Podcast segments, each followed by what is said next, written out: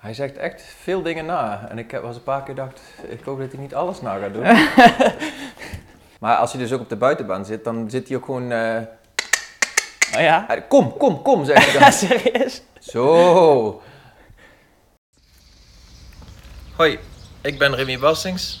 We zijn hier in Eersel op mijn nieuwe plek. En eh, we gaan zo meteen een podcast opnemen. En er zal wel waarschijnlijk veel over dressuur gepraat worden.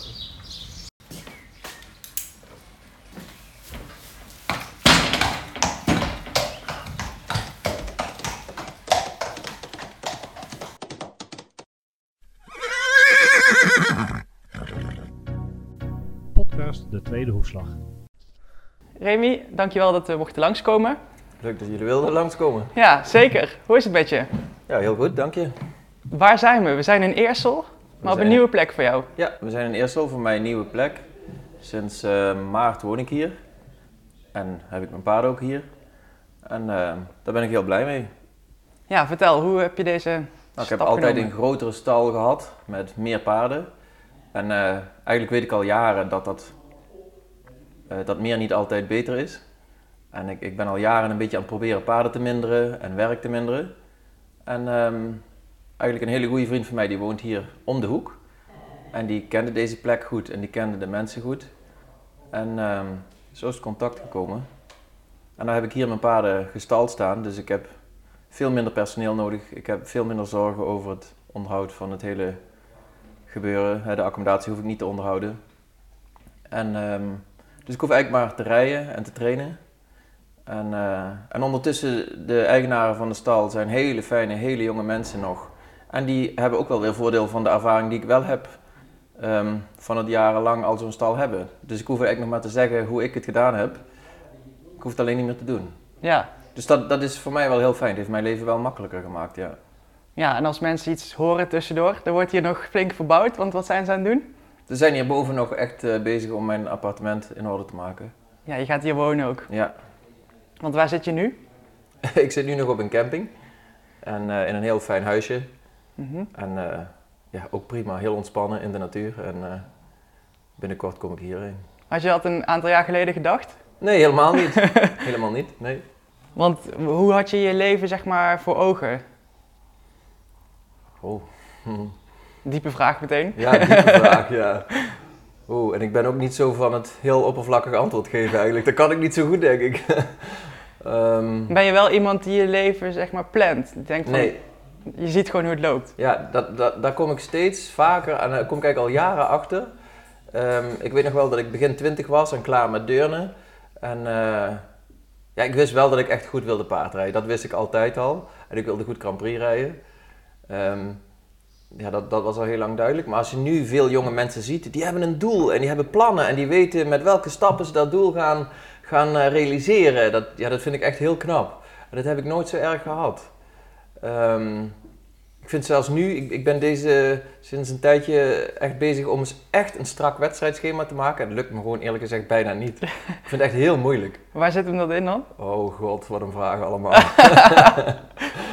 ja, we zijn hier Ehm, niet voor oppervlakkig gesprek, hè? eh, nee, daar kom ik nou achter. Ehm, ja, dat zit hem er ook in, omdat ik... ehm, ik wil het eigenlijk wel heel graag heel goed doen. Ehm, dus dan vind ik het al moeilijk om te zeggen, wat zijn nou de allerbeste stappen om te maken? En daarbij zie ik ook in hoe vluchtig het is. Want eh, ja, zoals ik net al zei, ik heb mijn allerbeste paard, mijn allerbest scorende paard in elk geval, heb ik nu net verkocht. Dus daar hoeft geen wedstrijdplanning meer, meer voor te zijn. En die verkoop is natuurlijk niet van vandaag op morgen. Daar, zit al echt wel een week of zes werk heeft er al in gezeten. Ehm, en ehm, mijn andere paard is 17 jaar, dus dat is echt niet meer jong. En die is eigenlijk topfit. Maar wat denk je? Nou had hij een hele kleine blessure. En ik heb hem meteen laten nakijken en de veearts zegt vier dagen stappen en je kunt eigenlijk weer gewoon doorrijden. Het is ook niks ernstigs. Maar dat betrekkelijke van ehm, hoe snel het ook gewoon voorbij kan zijn met een paard. ehm, dat is een andere factor waardoor ik het wel heel moeilijk vind om gewoon lang vooruit te plannen. Maar eigenlijk moet je het gewoon plannen en dan kun je het nog aanpassen. Ja. Maar dat heb ik dus niet geleerd op jonge leeftijd, zeg maar. maar ehm, ja, dat is eigenlijk. Ja. De mensen die eh, zitten te luisteren, die horen je net zeggen van een beste paard eh, verkocht. Ehm, we hebben net ook eh, eventjes eh, gekeken in de stal. Dus mensen die het filmpje kijken voor, op Hoefslag Premium, die zien van, hé, hey, dat is eh, Ecuador, hè? Ja, ja. Vertel, wat gaat ermee gebeuren? Nou, hij is, ehm, hij is verkocht. Ehm, eh, hij is verkocht aan een meisje uit het buitenland. Die dame die wil graag anoniem blijven voorlopig. Het is ook geen groot geheim, maar ze heeft er totaal geen behoefte aan om, om dat in de schijnwerpers te zetten. En dat snap ik ook heel goed. Ehm, Zullen we gewoon lekker rijden? ze wil gewoon lekker rijden. Ze heeft eigenlijk toch wel hoge ambities. Ze wil heel graag goed Grand Prix rijden, maar ze moet gewoon in de L beginnen. Ehm, dus het is ook voor haar natuurlijk eigenlijk ook nog wel een hele verantwoording om zo'n paard te kopen. Ehm, maar het mooie ervan is, ik vind het heel fijn dat hij in Nederland blijft, of sowieso in Europa. Dat hij niet naar Azië of zo hoeft, want daar komen paarden niet altijd beter terecht dan hier. En, ehm, en wat ik ook heel fijn vind, is dat ze, ze heeft wel de ambitie om Grand Prix te rijden. Ehm, maar zelfs toen ze hem uitgeprobeerd heeft, heeft ze alleen maar gekeken of ze gewoon fijn gevoel aan de benen en aan de hand had. Of ze gewoon fijn gevoel met dat paard had. Ze wil eigenlijk bijna geen oefeningen nog rijden. En ehm, dat vind ik best bijzonder, want ja, ik, eerlijk gezegd, ik heb dit paard destijds gekocht omdat ik hem een keer wilde verkopen. Ik wilde ook goed rijden, natuurlijk. Maar ik heb me altijd voorgenomen, ik moet deze een keer verkopen. En als ik hem... Daarbij heeft hij in de sport eigenlijk beter gedaan dan ik verwacht had nog. Eigenlijk veel beter. Ehm, dus dan moet je je allerbeste troef op dat moment moet je gaan verkopen. Ehm, dat had ik me voorgenomen en dat is ook gebeurd. Alleen dan is het wel echt heel plezierig dat hij naar zo'n fijn mens gaat en Ja. in Europa kan blijven. Dat maakt het voor mij echt veel lichter om het te doen. Maar ik heb er wel kippenvel bij als ik het over heb. Ja, want wat is de prestatie waar mensen jullie van kunnen herkennen? Ehm, Waar je meest trots op bent? Ja, ik denk de, de eh, vorig jaar, eigenlijk in deze maand, heb ik in, in eh, Tsjechië een wereldbekerwedstrijd gewonnen. En dat was echt een, eh, daar liep hij ook echt heel goed. En daar won ik de kuur op muziek met hem. En dat was natuurlijk sportief gezien zeker het hoogtepunt, denk ik. Ehm, maar daarvoor en daarna, ik, ik- ik- trouwens, ik, vergeet het gewoon dat ik, eh, ik denk zes weken geleden of zo, heb ik in Keulen ook nog de special gewonnen met hem, ook in een internationale wedstrijd. En, ehm, dus dat zijn sportief gezien natuurlijk hoogtepunten.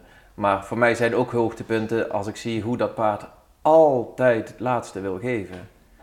Als je ziet is hij altijd blij om te komen.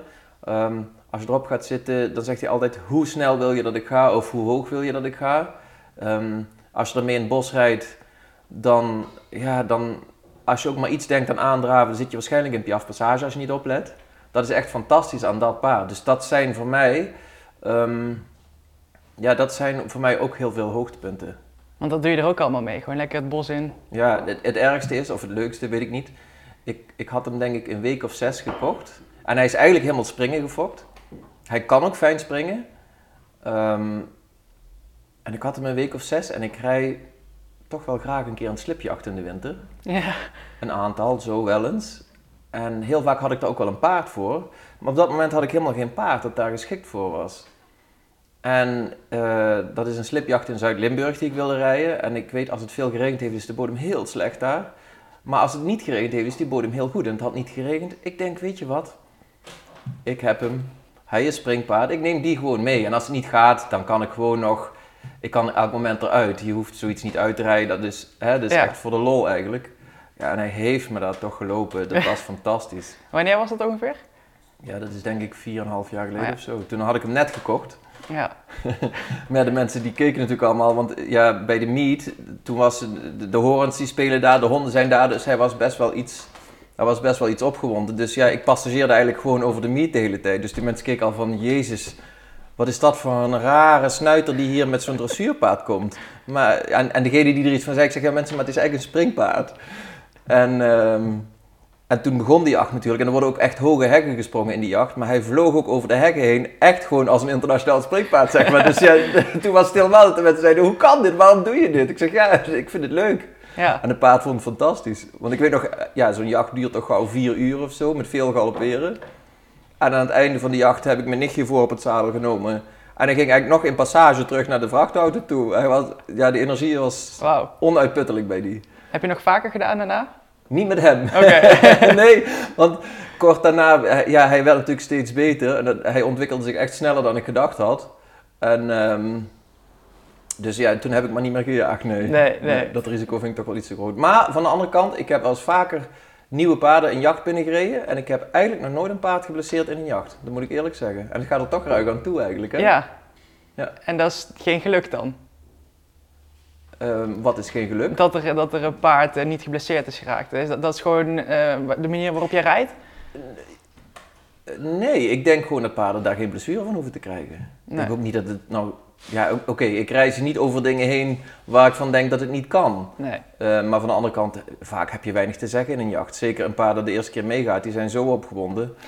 Eh ja, dat Hou gaat die er maar wel aan tegen. toe. Maar ik heb daar nog nooit een blessure aan overgehouden. Nee. Nou, gelukkig. Ja, gelukkig. Ja. Nou, we zijn hier in eh Eersel dus, zoals we zeiden. Wel grappig. Mijn ro- roots liggen daar. Mijn opa en oma komen hier vandaan.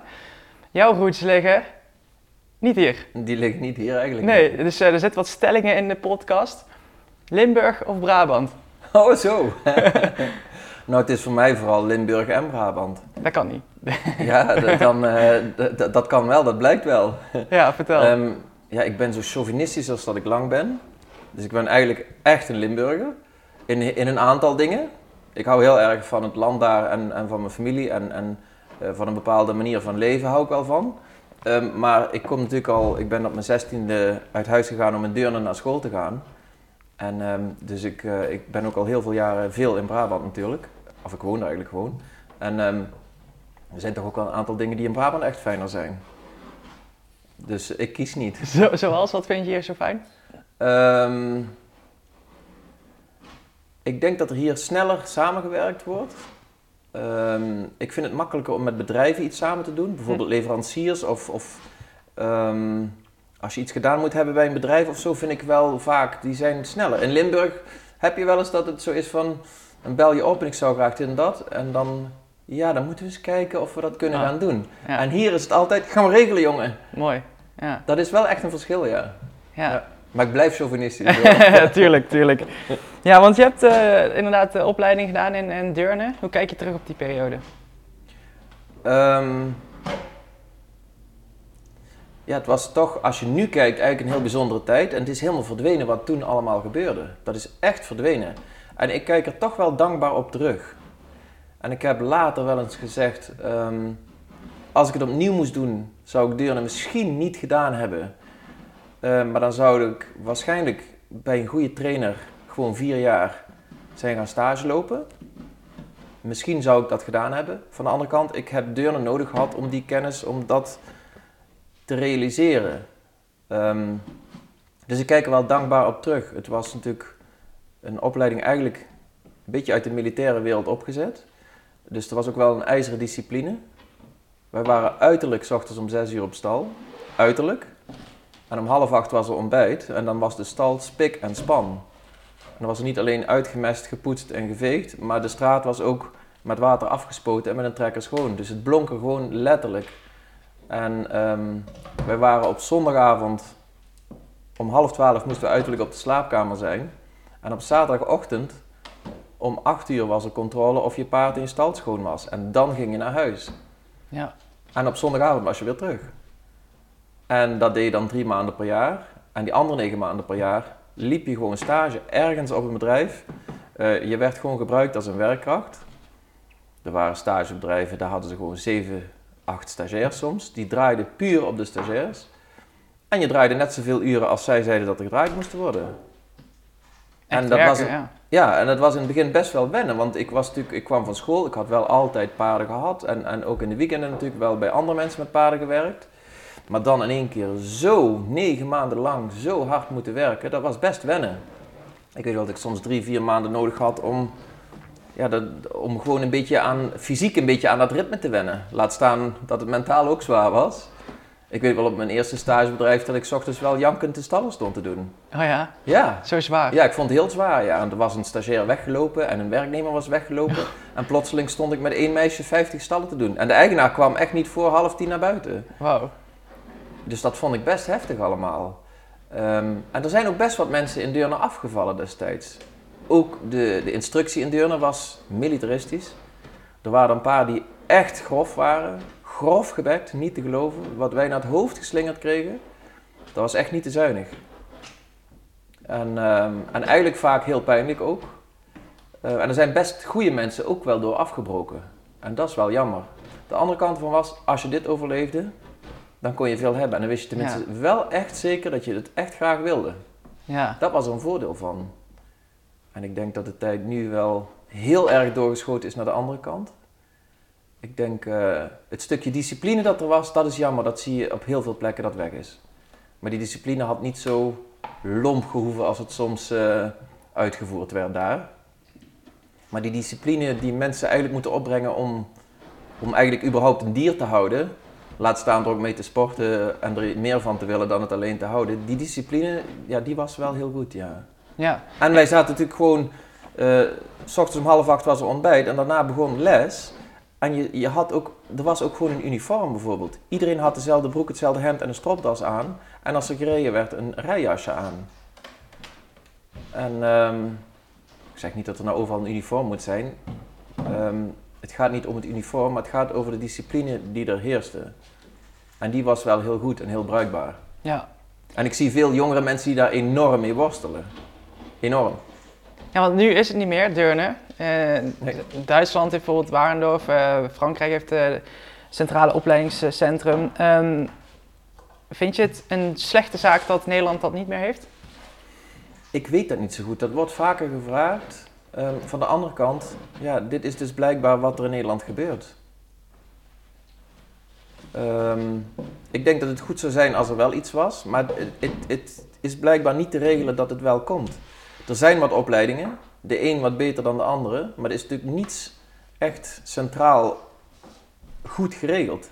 Ook de KNS doet het eigenlijk niet heel erg goed op dat gebied. En, en de KNS krijgt het, dus het KNS en Deurne was vroeger natuurlijk haat en nijd eigenlijk. Ehm, maar nu dat de Deurne er niet meer is, is, is het ook niet vanuit de KNS zo van, we hebben een goede school nodig. Het wordt wel hier en daar geroepen, maar het is nog niet geregeld. Ja, je geeft zelf eigenlijk al een soort van voorzetje voor de volgende stelling die ik had opgeschreven. Want eh, ik had als stelling, eh, goede instructie is de basis voor de paarden. Dat denk ik wel. Even tussendoor, moeten we hier iets aan doen? Het gaat al. Ja? Het geluid bedoel je? Ja. Nee, het gaat al. Oké. Ehm, en is, is de basis voor de paarden, bedoel je dan voor het paard of voor de paardenwereld? Eigenlijk allebei natuurlijk. Ja, ja ik denk ook eigenlijk voor allebei. Dat Ja. denk ik wel. Ehm, dat is ook wel een voordeel natuurlijk wat in Deurne was. Wij kregen best wel, best wel wat theorie. We hadden the- theorie, gewoon rijtechniek. Eh, we, hadden, we, leerden, we hadden tuigenkennis. Ieder onderdeel van een hoofdstel zadel. Maar we hadden ook gewoon tuigenkennis over een, eh, voor een aangespannen paard. Ehm, we hadden voedingsleer, we hadden trainingsleer. Ehm, iedere week kwam er een dierenarts, daar, daar moesten we twee uur naar luisteren. En meestal luisterden we met veel plezier naar, want die nam onderwerpen die interessant waren. Kreupelheid of, of eh, ehm, eh, vruchtbaarheid. Ja, dat was echt heel interessant. En, en die kennis was heel breed. Hè. Er werd ook nog niet gespecialiseerd, absoluut niet. Je mocht wel een voorkeur hebben, maar je moest alles meedoen. Mhm. Ehm, en dus ik denk inderdaad of je nou paard wil rijden of dat je echt in de hele paardenwereld iets wil doen. Ik denk dat, dat eh, ja, goede instructie, dus eigenlijk ook theoretische kennis, dat dat best wel belangrijk is. Van de andere kant, de theorie is niks waard als je in de praktijk niet kunt toepassen en niet de creativiteit hebt om ook te weten wanneer je welke bladzijde zou toepassen, zeg maar. Ja. Dus het een kan ook niet zonder het ander. Ik begrijp dat je veel zelf ook hebt aangeleerd. Klopt dat? Ehm, In het paardrijden. Dat denk ik wel. Dat denk ik wel. Maar ehm, mensen die zeggen dat ze autodidact zijn, dat geloof ik niet. Want autodidacten die stelen gewoon. Bij anderen. En daar is niks mis mee. Dat ben jij niet. Ik denk niet dat ik autodidact ben. Ik, ja, ik- dan zou ik moeten opzoeken wat, dat, eh, wat eh, nou, nou de definitie van is. Maar ik hoor mensen dat wel zeggen. denk ja, flauwekul, je hebt dat gewoon gestolen ergens anders. Ja. En daar is niks mis mee. En dan maak je je eigen ding van. Heel goed. Ik vind er niets mis mee. Maar ik denk alleen, er is niemand die het wiel nog opnieuw uitvindt nu. Ehm, maar ik denk dat ik wel veel... Ik, ik heb vroeger dus ook veel stage gelopen en eigenlijk vaak weinig les gehad dan. Maar ik had wel als voordeel, ik, ik heb bijvoorbeeld bij Hinneman stage gelopen. En ehm, dat was het jaar voor de Olympiade van Atlanta. Dat is Mhm. heel lang geleden, 1995. Ja, ik wou dat. zeggen, ja, En Atlanta was dan 96. 96, ja. En daar waren toen hele interessante paarden. Ferro, die, die rende daar toen Hm. rond. Die liep nog geen Grand Prix, maar die leerde het piaferen net. Ehm Rusty van Oela Zaltskeber, die was toen daar. Ehm Rubinstein was daar. Eh, van Heike Kemmer waren paarden daar. Dat was toen, ja, de wereldtop, die was daar. En ik kreeg niet zoveel les hoor. Ik heb eh, in een hele lange tijd denk ik één of twee keer les gehad. En, ehm, maar ik had wel een geluk, ik moest de hele dag in de baan zijn. Ik moest wat jonge paarden rijden, of als er paarden aan de hand gewerkt eh, moesten worden, dan kwam ik om mee vast te houden, zeg maar. Dus ehm, ik, ik, ik spendeerde wel heel veel uren in de baan. Dus dat was een geluk. Ik was niet alleen maar op stal. En als ik in de baan was, ja, dan had ik wel twee hele spitse oren, dat wel, ja. En daar heb ik wel heel veel van geleerd. Ehm, dus ik denk, ik heb toen niet veel les gehad, maar wel echt enorm veel geleerd. En, ehm, en dat doe ik nog overal. Eh, ik, ik, de- mijn oma zei, zolang mijn vingers niet even lang zijn, kan ik nog iets leren.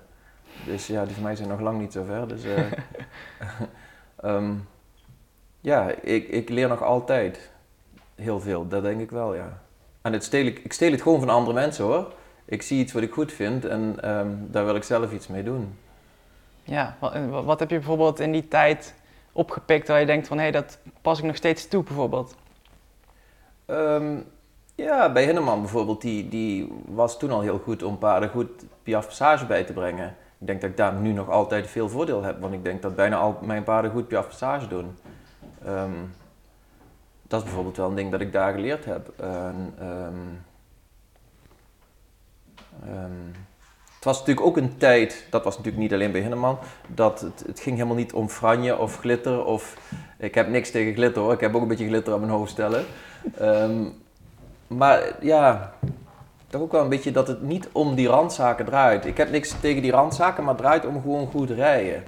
En er werd eigenlijk ook destijds simpel gevoerd. Wel goed voer, maar eigenlijk redelijk simpel allemaal. En ik denk dat ik dat allemaal niet zoveel veranderd heb. Terwijl als ik ergens iets zie waar het echt beter van wordt. Ik, ik ben heel traditioneel misschien wel, maar als ik zie dat, dat het ergens iets, dat, dat iets beter wordt van iets wat nieuw is, dan zal ik het zeker niet tegenhouden. Zeker Ja. niet. Waarom ben je dan traditioneel? Ik denk de meeste dingen misschien wel. Ah, In het leven of in de paarden? Eh, misschien ook wel allebei. Laat het over Maar paarden denk, hebben. maar ik denk niet dat ik. ehm, ik ken ook traditionele mensen. Eh, ja, misschien is traditioneel ook niet het goede woord. Ik ken ook mensen die bijvoorbeeld klassiek willen rijden. Mhm. eh, die zich daardoor wel vastrijden, naar mijn idee. Die blijven wel hangen in iets klassieks.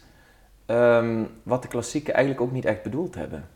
Die willen zo graag klassiek zijn dat ze daarin doorslaan en voor mijn idee de plank misslaan. Wat wil jij dan daarin? Ik wil gewoon gewoon goed paard rijden. En ik wil doen wat mijn paard nodig heeft. En ik denk dat dat ook ehm, de klassieken ook wilden. Die wilden gewoon doen wat nodig is. En tegenwoordig is het natuurlijk heel moeilijk om te doen wat nodig is, want iedereen heeft overal een mening over. Ja, En vroeger werd er gewoon gedaan wat nodig was om een paard zover te krijgen. En dat wil niet zeggen ehm, met geweld. Of, dus ik denk dat het wel ook zonder grof geweld kan. Maar er werd vroeger natuurlijk niet moeilijk gedaan of een paard een keer voor of achter een loodlijn was. Daar werd niet zomaar moeilijk over gedaan. Ehm, en ik zie wel mensen die klassiek of traditioneel klassiek willen blijven, die daar zo aan vasthouden dat ze niet meer gewoon functioneel paard rijden. Hm. Eh, dus eh, op die manier wil ik niet traditioneel zijn. nee. nee dat wil nee. ik absoluut niet. Nee. Oké, helder. Ehm, andere stelling. we het hebben over internationaal Grand Prix rijden. Ehm, trends of verplicht stang en trends? Ja, die heb ik ook wel eens vaker gehoord natuurlijk. Dat is ook wel een ding wat leeft natuurlijk. Ja, het leeft wel. Ehm, ja, kijk, eh, ja, nou, als je dan teruggooit op klassiek, de klassieken, die vinden eigenlijk dat gewoon stang en trends dan verplicht zou moeten zijn. Want in de echt klassieke dressuur is het summum van goed kunnen paardrijden, een paard met één hand op de stang kunnen rijden. Ja, Dus dan hebben we toch echt een stang nodig eigenlijk. En ik zie ook niet in waarom het verkeerd is als je een paard echt goed opgeleid hebt en hij durft echt gewoon de aanleuning aan te nemen, dan moet je gewoon eigenlijk op vier teugels evenveel druk kunnen hebben. Je ziet ook veel van die ruiters die dan per se alleen maar op de trends hebben en de stangteugel laten doorhangen. Ik heb er niks op tegen, het ziet er ook mooi uit, het is ook licht, het is ook goed dat het kan, dat ze de stang niet nodig hebben. Maar in de klassieke dressuur staat eigenlijk beschreven, het ideale is dat je op vier teugels evenveel druk kunt hebben, omdat dat vertrouwen er ook is. En het summum is dus dat je met één hand op een stang ook het hele Ja. eh, gebeuren door kan rijden. Dus eh, ja, en moeten wij dan op trends gaan rijden? Van de andere kant vind ik, als iemand een paard heeft dat echt fijn loopt en die het echt moeilijk heeft met stang en trends, waarom zou die niet met trends mogen rijden? Ja. Dus ik ben er niet tegen. Maar ik, Nee. neem, ik neem ook geen stelling in. Dan gaan we rechtdoor. Dat is goed. ja, nee, ehm, want ehm, iemand bij ons op de redactie eh, noemde het al de, de hele metaalfabriek in de mond. Ja, Hoe kijk je daar dan tegenaan? Eh, ja die, dat vind ik een vooroordeel. mhm. Dat klinkt al als een vooroordeel. Die Ja. metaalfabriek. ja, om het maar eventjes samen Ja, te vatten de- in een... eh, Si- Sinds er paardrijden is, of dressuurrijden in dit geval, dan misschien doen we dat per definitie met metaal in de mond. Ja. Toch? Al heel lang. Ehm, ik zag toevallig ehm, eh, de koningin van Engeland. ja, Queen Elizabeth. Die ging eh, vorige week naar Royal Ascot. En Ja. een van de prinsessen met haar vierspan, een paard, slaat een achterpoot over de streng heen. En daar een beetje paniek erbij. Wordt allemaal netjes opgelost. En iemand moet er onder het filmpje moet er natuurlijk weer reageren. En die scherpe bitten moeten uit die monden. dan denk ik, ja, ten eerste, niemand heeft er daar aan het bit van dat paard gerukt. En daar is een vierspan met scherpe bitten. Er zijn gewoon stangen die gewoon volgens mij daarvoor gemaakt zijn.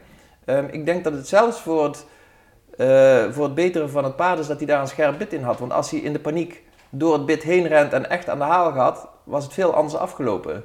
Ja, En hij had een scherp bit in met een reden, zodat hij te controleren is. En eh, meneer Oothout zei vroeger al, ehm, op een dikke bustrens kun je ook een kreng zijn. ja, en dat is ook zo. Het is de hand die eraan hangt en niet die metaalfabriek die, die, die, die in de mond zit. En er worden tegenwoordig prachtige bitten gemaakt, veel beter dan vroeger. Vroeger had je die mooie orgaanbitten, weet ik veel, en je poetste het op en het zag er mooi uit. Maar het waren, dat waren dikke ijzerwinkels in de mond. ja, Maar tegenwoordig zijn er een aantal merken die hele mooie bitten maken, die heel goed in de monden passen. Die, ja, daar wordt zoveel onderzoek naar gedaan. Ehm, en het is wel mooi als je met minder meer kan, dat denk ik wel. Maar of het nou per se verkeerd is dat een paard met stang en trends loopt, dat denk ik niet. ja, Ik denk, denk dat het de rijkunst is die bepaalt of die stang en trends verkeerd zijn. Maar ik denk dat de, het materiaal is tegenwoordig en vroeger al heel lang zo afgestemd dat de paarden daar echt niet per se grote last van hebben. Kijk, mooier voor de paarden is als ze gewoon in de wei rijden. Dat is een ding wat zeker is. ja, Maar als ik hier zie dat ik elke dag mijn paarden gewoon het hoofdstel in kan doen en dat het zonder problemen gaat. En ja, ik denk dat het vooral de hand is die eraan hangt, die bepaalt of de metaalfabriek eh, slecht of goed is. ja. Maak je soms zorgen over hoe de buitenwereld daar tegenaan kijkt? Dus de niet... Dagelijks. Oh ja? Ja, natuurlijk. De buitenwereld heeft natuurlijk nogal een grote mening. En ehm, soms ook natuurlijk helemaal niet onterecht. Mhm. Het is ook helemaal niet erg dat wij daardoor flink aan het denken gezet worden. Dat vind ik ook helemaal niet erg. Ehm, maar ik denk dat wij als hele paardenwereld wel heel erg op moeten letten dat we de buitenwereld niet laten dicteren wat wij doen. En ik vind dat de KNS, de FVI, ook de Duitse Bond, ehm, iedereen gaat heel erg ageren op, op wat die mensen doen. Nee, het is allemaal zo erg niet wat wij doen. Nee, het is allemaal heel diervriendelijk. Ehm, dat is voor mijn idee de verkeerde aanpak. Hoe zou jij het liever zien? Ik denk dat echt de FVI zou moeten beginnen en, en alle nationale bonden, die zouden gewoon moeten gaan zeggen, ehm, dit is wat wij doen en wij doen dat om die en die reden en daarom is het goed. En wat de buitenwereld daarmee doet, dat doet de buitenwereld toch. Daar hebben we toch weinig invloed op. Ja. Maar dat blijven ageren en net doen of het niet goed is. Er komt altijd weer een filmpje waar iemand met een, met een grote tak een paard door een sloot slaat. De- Er is altijd ergens een keer een verkeerd filmpje te maken. Ja, Die zijn er te maken. Maar zolang er mensen met paarden zijn, zullen er wel eens een keer van die dingen gebeuren. Maar als wij gewoon aan de buitenwereld gaan uitleggen waarom het misschien helemaal niet verkeerd is om met een zweep te rijden, dan hoeft er niet veel aan de hand te zijn. En als we niet meer kunnen uitleggen waarom het mag, dan moeten we ook stoppen. Ja, dat is wel heel rigoureus. ja. Maar als we het niet uit kunnen leggen, moeten we stoppen. Wat doe je daar zelf in? Eh, niet zoveel. Vooral mijn mening hebben. maar ik heb niet het gevoel dat ik er direct heel veel in kan doen. Want ik denk niet dat ik een platform heb dat daarnaar luistert. Maar ehm, nee, dus ik doe er zelf niet zoveel aan. Maar dat is wel mijn mening. Nou, door er natuurlijk nu zo over te praten, dat is natuurlijk ook denk ik al Ja. goed. Ik denk dat, dat eh, rijden gaat natuurlijk eigenlijk over communicatie met een dier. En eh, wij als mens hebben de, denk ik wel de plicht om met het dier zo te communiceren dat het voor hem begrijpelijk is. Want wij willen er iets van, maar ja, we zullen zijn taal moeten proberen te spreken. En als je dan kijkt hoe paarden met elkaar spreken, is over het algemeen met heel veel kleine signalen. Soms een keer een buiging van een hoofd of een hals, of een, een oor naar achter, of een mond die open gaat. Dat zijn eigenlijk best. En, en ze hebben natuurlijk nog veel kleinere signalen dan die. Soms is het al gewoon iets, een plaats innemen ten opzichte van een ander paard, dat, een ander, dat het andere paard al iets terug doet wijken. Dat zijn heel veel kleine signalen. Maar als je dan merries met veulens ziet, of eh, je ziet een nieuwe hengst in een kudde komen, dan gaan er ook een heleboel dingen met helemaal geen kleine signalen. Dan gaat het er gewoon echt heel hard op. Ehm, en als je dat dan projecteert op hoe wij met paarden omgaan, ik denk dat wij heel vaak proberen weinig te doen. Mhm. Maar als een paard dan wel een keer een klap krijgt, en dan kunnen we het er nog over hebben of die verdiend of onverdiend is, ehm, dan vergaat zo'n paard daar niet van. En als wij dat niet kunnen verkondigen, dan hebben we niks meer met een paard te zoeken. Dan, dan kunnen we Ja. paarden niet meer houden of gebruiken voor waar we ze voor gebruiken. Dat is mijn mening. Ja.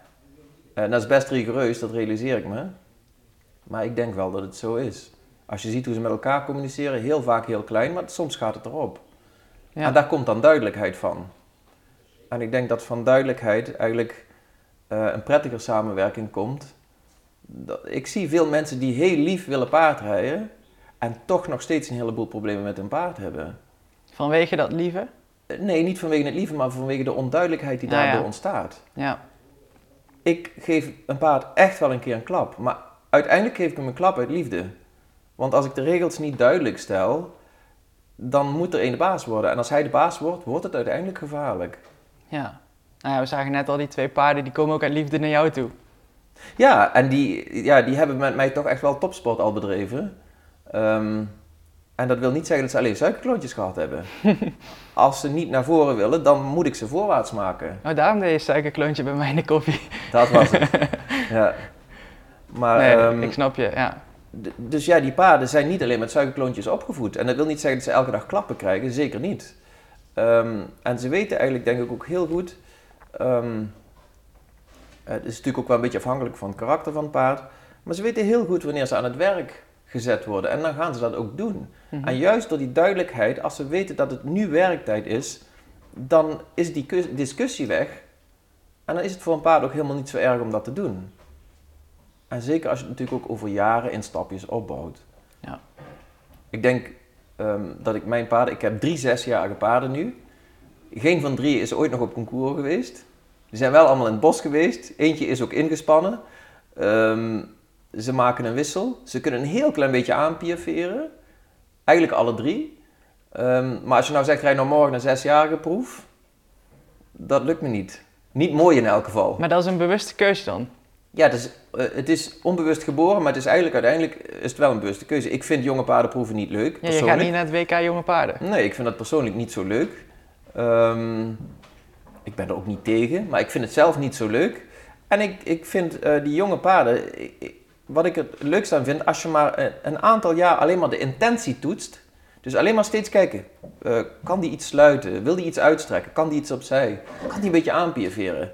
Als je daar steeds de intentie toetst en steeds beloont, als hij, als hij iets die intentie heeft, dan wordt het toch een soort met suikerklontjes rijden. Snap je? Mhm. je, je zet natuurlijk een keer ergens een beetje druk om te kijken of er een reactie komt. En als je dat steeds heel snel beloont en met weinig tevreden bent, dan geven ze uiteindelijk op weinig ook veel. En ik, ehm, ja, zo zie ik het een beetje met mijn jonge paarden. Ik denk dat ze er gezond van blijven fysiek, eh, maar mentaal blijven ze er ook happy van. En, en ja, als ze 6, 7 zijn, heb ik nooit een paard dat niet het programma doet wat ze eigenlijk ongeveer zouden mogen doen. De ene is een beetje sneller met dit, de ander is een beetje sneller met dat. Eh, maar dat maakt niet zoveel uit, want ja, er zijn toch wel meer wegen die naar Rome leiden. En ehm, Maar dan moet, ik denk dat natuurlijk, dat wel... Sorry? ja, dan moet natuurlijk ook geld verdiend worden. Me- Strookt dat wel met elkaar? Botst dat niet soms? Oh, dat botst enorm. Ja, want ik, maar ik kan wel willen dat mijn zesjarige nu die zesjarige proef loopt. Of, of dat die, als hij zeven wordt, dat hij per se eh, die proef kan lopen die een zevenjarige... Of hè, met, met zeven mogen ze Prix en lopen. Ehm, dat kan ik wel willen. Ehm, maar ik vind... ehm, ja, ze- bieden het natuurlijk niet van nature aan om gewoon Georges te gaan lopen. Ehm, maar als ik op die weg daarheen voel dat hij of meer moeite heeft met series... of meer moeite met, met een pirouette... Ehm, dan, dan werk ik daar wel hard aan, maar ik vind het niet nodig omdat ik voor mijn geldelijk gewin of voor mijn sportief succes dat paard dan moet uitwringen omdat hij per se met 7 dat moet lopen. Ja. Eh, Ecuador was eh, volgens mij 10 toen hij zijn eerste Grand Prix liep. Ehm, ja, geen probleem. Ambassador was 11 toen hij leerde passageren pas. Dat was, dat was wel extreem laat hoor. Eh, daar, daar heeft ook een paar jaar tussen gezeten dat hij niet van mij was. Maar die, ja, toen hij 7 was, kon hij wel wat piaf. Maar passage was het dan, denk ik, ja, misschien leert hij wel nooit. Ja, En ik heb nu ook een zesjarige, die, die heeft wel talent voor piaf. Maar als ik gewoon draaf, dan denk je, ja, het is een, eh, een leuk uitziend manegepaard, maar het is echt gewoon afschuwelijk hoe die draaft bijna. Echt niet mooi. Ehm, en ik realiseer me, als ik harder zou oefenen op dat draven, had ik nu misschien meer draf, maar ik denk dat het ontstaat. Als hij sterk genoeg wordt, dan komt stukje bij beetje, komt die draf wel. En ik zeg niet dat ik het nooit een beetje aanraak, dat ik denk van, kijk nou alsof ik nou wel iets meer draf krijg.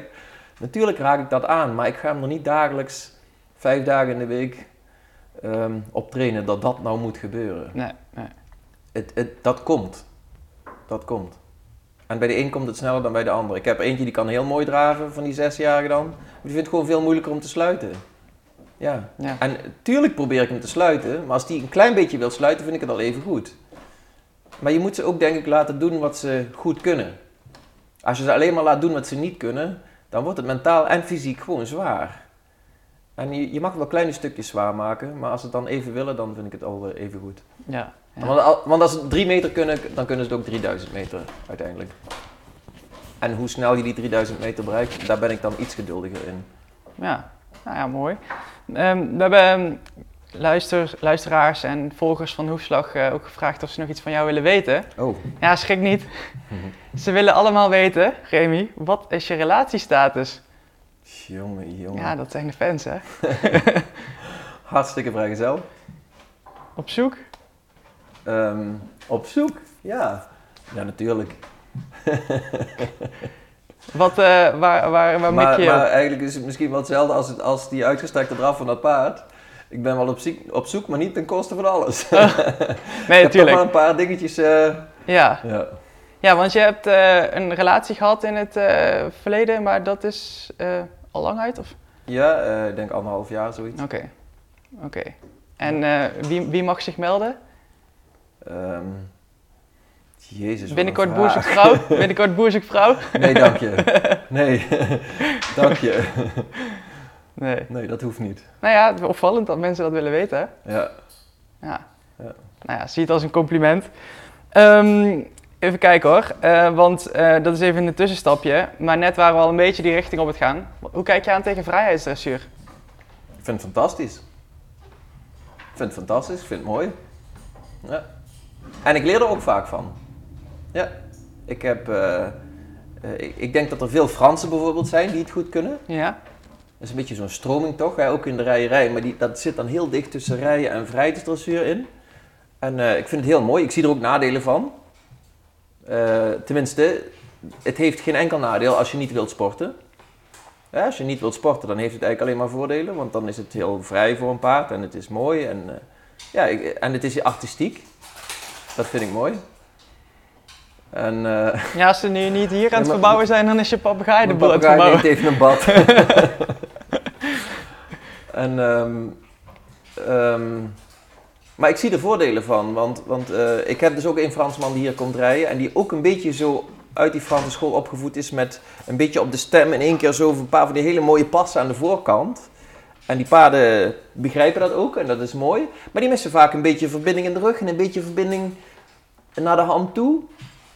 Ehm, dus dat is er dan weer iets een nadeel van. Maar als ik zie wel op hoe weinig zij paarden heel happy iets kunnen laten doen. eh, misschien is dat het wel wat ik er mooi aan vind. Dat zij op weinig en dus... Kijk, wij kunnen met stang en trends en een zweep en spoor kunnen een paard ook gewoon afdwingen. Veel makkelijker. Ja, ik En had zij, 20 keer. En zij moeten eigenlijk gewoon wachten tot hij het ook echt doet. Ehm, dus ze hebben eigenlijk minder dwangmiddelen eh, om het zomaar even af te dwingen. Eh, maar ze kunnen een paard toch wel heel erg eh, zichzelf laten uitdrukken op een mooie manier. En dat, dat, ja, dat vind ik er wel mooi aan, ja. Doe je zelf ook iets in die richting of niet? Ehm, ja, ik gebruik wel dingen ervan, dat denk ik wel, ja. En soms werkt het voor je en soms werkt het tegen je. Ja. Ja. We hebben eh, op, in- op je Instagram een heel mooi filmpje gezien. Waar je dan rijdt eh, zonder eh, hoed of cap of zo. En daar zijn dan natuurlijk reacties. Oh, hij rijdt ook zonder ho- hoed of cap. Oh ja. Ehm, is dat ehm, de stelling van ik probeer mensen aan het denken te zetten? Nee. Nee. Nee, het, ik, het is geen stelling, het is iets... ehm, Nou, dat is mijn stelling bedoel ik. Ja, ja, ja, ja. Maar ik, ik doe het niet uit principe. Ik heb altijd zonder gereden. En ehm, ja, ik, ik zou iedereen aanraden om, om wel een cap te, eh, te gebruiken, maar eh, ja, ik doe het niet. Want? Ik heb het nooit gedaan. Ik, ik- kan natuurlijk ook niet. eh, in deze tijd kun je het helemaal niet verkopen dat het, dat het kan. Ehm, maar ik, ik heb het nooit gedaan en ik vind het gewoon prettig zonder. Ja, toch een En- beetje dat conservatieve dan. Ja, dat is wel inderdaad conservatief. En ehm, ehm, Waar we het in ik, het begin ik, ik over realiseer hadden. me heus wel dat het veiliger is om het te doen. Natuurlijk. Want een paard kan ook gewoon ongewild op straat. Ik rij ook veel op straat en in het bos. En een paard kan ongewild op straat gewoon onderuit schuiven. En dan is het gewoon echt veilig om een cap op te hebben. Dus ik kan het niet verdedigen. Maar we kunnen je ook niet overtuigen. Je kunt het proberen. Gaan we, gaan Ik ben, ik ben met heel veel dingen heel eigenwijs. Totdat iemand zegt wat, dat ik, als ik zie- inzie dat ik echt ongelijk heb, dan ben ik meteen om. Of moet er misschien iets gebeuren? Laten we het niet hopen van niet, maar dat je Nou, er- er zijn wel eens dingen met mij ook wel gebeurd. Maar eh, dat het misging. ja, natuurlijk heb ik ook wel eens ongelukken gehad. Ja, Gelukkig niet extreem ernstig, maar eh, ja, natuurlijk gebeurt dat ook wel eens. en toch denk je dan niet van, mm, Nee, nee. nee. Ja, ik ken niet zoveel angst bij paarden. Misschien is dat het ook wel. Ik ben tussen paarden eigenlijk nooit bang. Je bent jezelf. Ja. En dat is ook iets fijns van tussen dieren zijn, dat je jezelf mag zijn en dieren zijn ook zichzelf. Ehm, maar ik ben tussen paarden eigenlijk echt nooit bang. Dus ehm, ja. Ja, dat wil niet toch? zeggen dat je alleen een cap moet dragen als je bang bent. Het is gewoon veiliger, zeker wel. Ja. ja, laten we inderdaad niet gaan verkondigen dat mensen dat niet moeten doen. Ja, nee, dat, dat wil ik absoluut niet. Wat ik dan wel weer erg vind, is dat een FII gewoon even beslist dat niemand meer zonder mag rijden op wedstrijd. Ik vind er is, bestaat toch nog wel zoiets als vrije keuze. Ja, toch wel? Ook al zijn zij misschien verantwoordelijk voor wat er op zo'n wedstrijd gebeurt. Ja, maar ik denk dat mensen ook zelf verantwoording hebben en ook zelf verantwoording kunnen dragen. En dat ook zelf mogen bepalen. Dat denk maar ik is misschien een stomme vergelijking, maar bijvoorbeeld bij de Formule 1 zeggen ze maar, we gaan nu die auto zo'n ring eromheen bouwen uit veiligheid. Of voetballers moeten scheenbeschermers. Moet gewoon. Snap je dat dan? Ja, dat snap ik. Ik snap het wel. Ik snap het wel. Maar je bent het er niet mee eens. Ja, ja, precies. Ja. Ja. Oké, ehm, ja, om het een beetje te gaan afronden. Hoe kijk je naar de toekomst? Wat zijn je dromen, wensen? wat zijn mijn dromen? Ehm eh, mijn papegaai is van zijn stok gevallen. Het is wel lekker rustig. Hij leeft nog. Hij had ook geen cap op trouwens. nee! Scherp, mooi, mooi. wordt niet meer beter. Ehm, ja, mijn droom is eigenlijk wel. ehm een van mijn dromen is wel. Ik heb al een paar hele fijne Grand Prix paarden gehad. Ik heb ook al veel paarden Grand Prix opgeleid. En dat doe ik met veel plezier. Eén droom die ik nog heb is dat ik in de ring een keer zo goed word als ik thuis ben. Dat wil niet zeggen dat ik mezelf enorm goed vind of zo. Maar ik constateer wel dat ik in de ring echt slechter ben dan thuis. Hoe kan dat nou? Ja, dat heeft iedereen natuurlijk. Ja. Maar ik- misschien heb ik het iets meer dan anderen, dat weet ik niet precies. Ehm, dat zou ik wel nog graag willen. En ik ben er ook wel echt aan bezig om daar eens echt achter te komen hoe ik dat nog beter kan krijgen. Ehm, dus dat is een droom die ik wel heb. En verder zou ik heel graag heel lang nog goed willen kunnen paardrijden. En, eh, en ik krijg steeds meer mensen die ook komen trainen. Ik heb altijd veel les gegeven. Maar ik heb sinds een paar jaar echt hele fijne mensen ehm, en steeds meer die komen trainen. En daar heb ik ook wel erg veel plezier in. Komen ze ook met een speciale reden dan naar jou? Dat denk ik wel. Want je ziet heel duidelijk dat een, aan, een, een, een bepaald soort mensen komt niet. En een bepaald soort mensen komt wel. En eh, ja, dat, dat is dan een natuurlijke selectie of zo die van tevoren plaatsvindt. Ja, want wat probeer jij over te brengen Ehm, in je trainingen? Ja, dat is een goede vraag. Ik denk eh, vooral, eh, eh, hoe noem je dat? Horsemanship. En ehm, vooral doen wat je paard nodig heeft. Zorg dat je zelfdiscipline hebt. Want als wij iets van hem verlangen, dan is het wel echt heel belangrijk dat we weten wat we aan het doen zijn en daar controle over hebben. Dat is misschien wel het allerbelangrijkste. Ehm, en ik denk dat ik wel ook overbreng dat je best veel van een paard mag vragen, maar wel op een goede, begrijpelijke manier. Waarbij een paard ook oud wordt en gezond blijft. En toch, en toch ook gewoon op topsportniveau kan presteren. Is dat ook de boodschap die je hebt aan de kijkers en luisteraars? Eh, dat was niet per se de boodschap, Nee, maar als jij maar- dat ervan wil maken, ja. vind ik dat prima. Nou ja, klinkt als een mooie boodschap. Ja. Ja, ja, ja. Ja. Nou, dankjewel in ieder geval voor je tijd. ja, heel erg bedankt. Yes. Leuk dat je keek of luisterde naar deze nieuwe podcast. Vond je hem nou leuk? Abonneer dan op ons podcastkanaal. En luister ook onze andere podcasts, bijvoorbeeld die met Rien van der Schaft. Maar als ik het gevoel heb, dat is het goede dat je dat zegt. Als ik het gevoel heb, nou ben ik hier aangenomen als bondscoach en ik fungeer alleen maar als chef de keeper, mag ze rondrijden naar het hotel en terug en ik, of organiseren. Nee, dat, is- dat is niet, dat, niks is met te min hoor, maar dat is mijn, dat is mijn ambitie niet.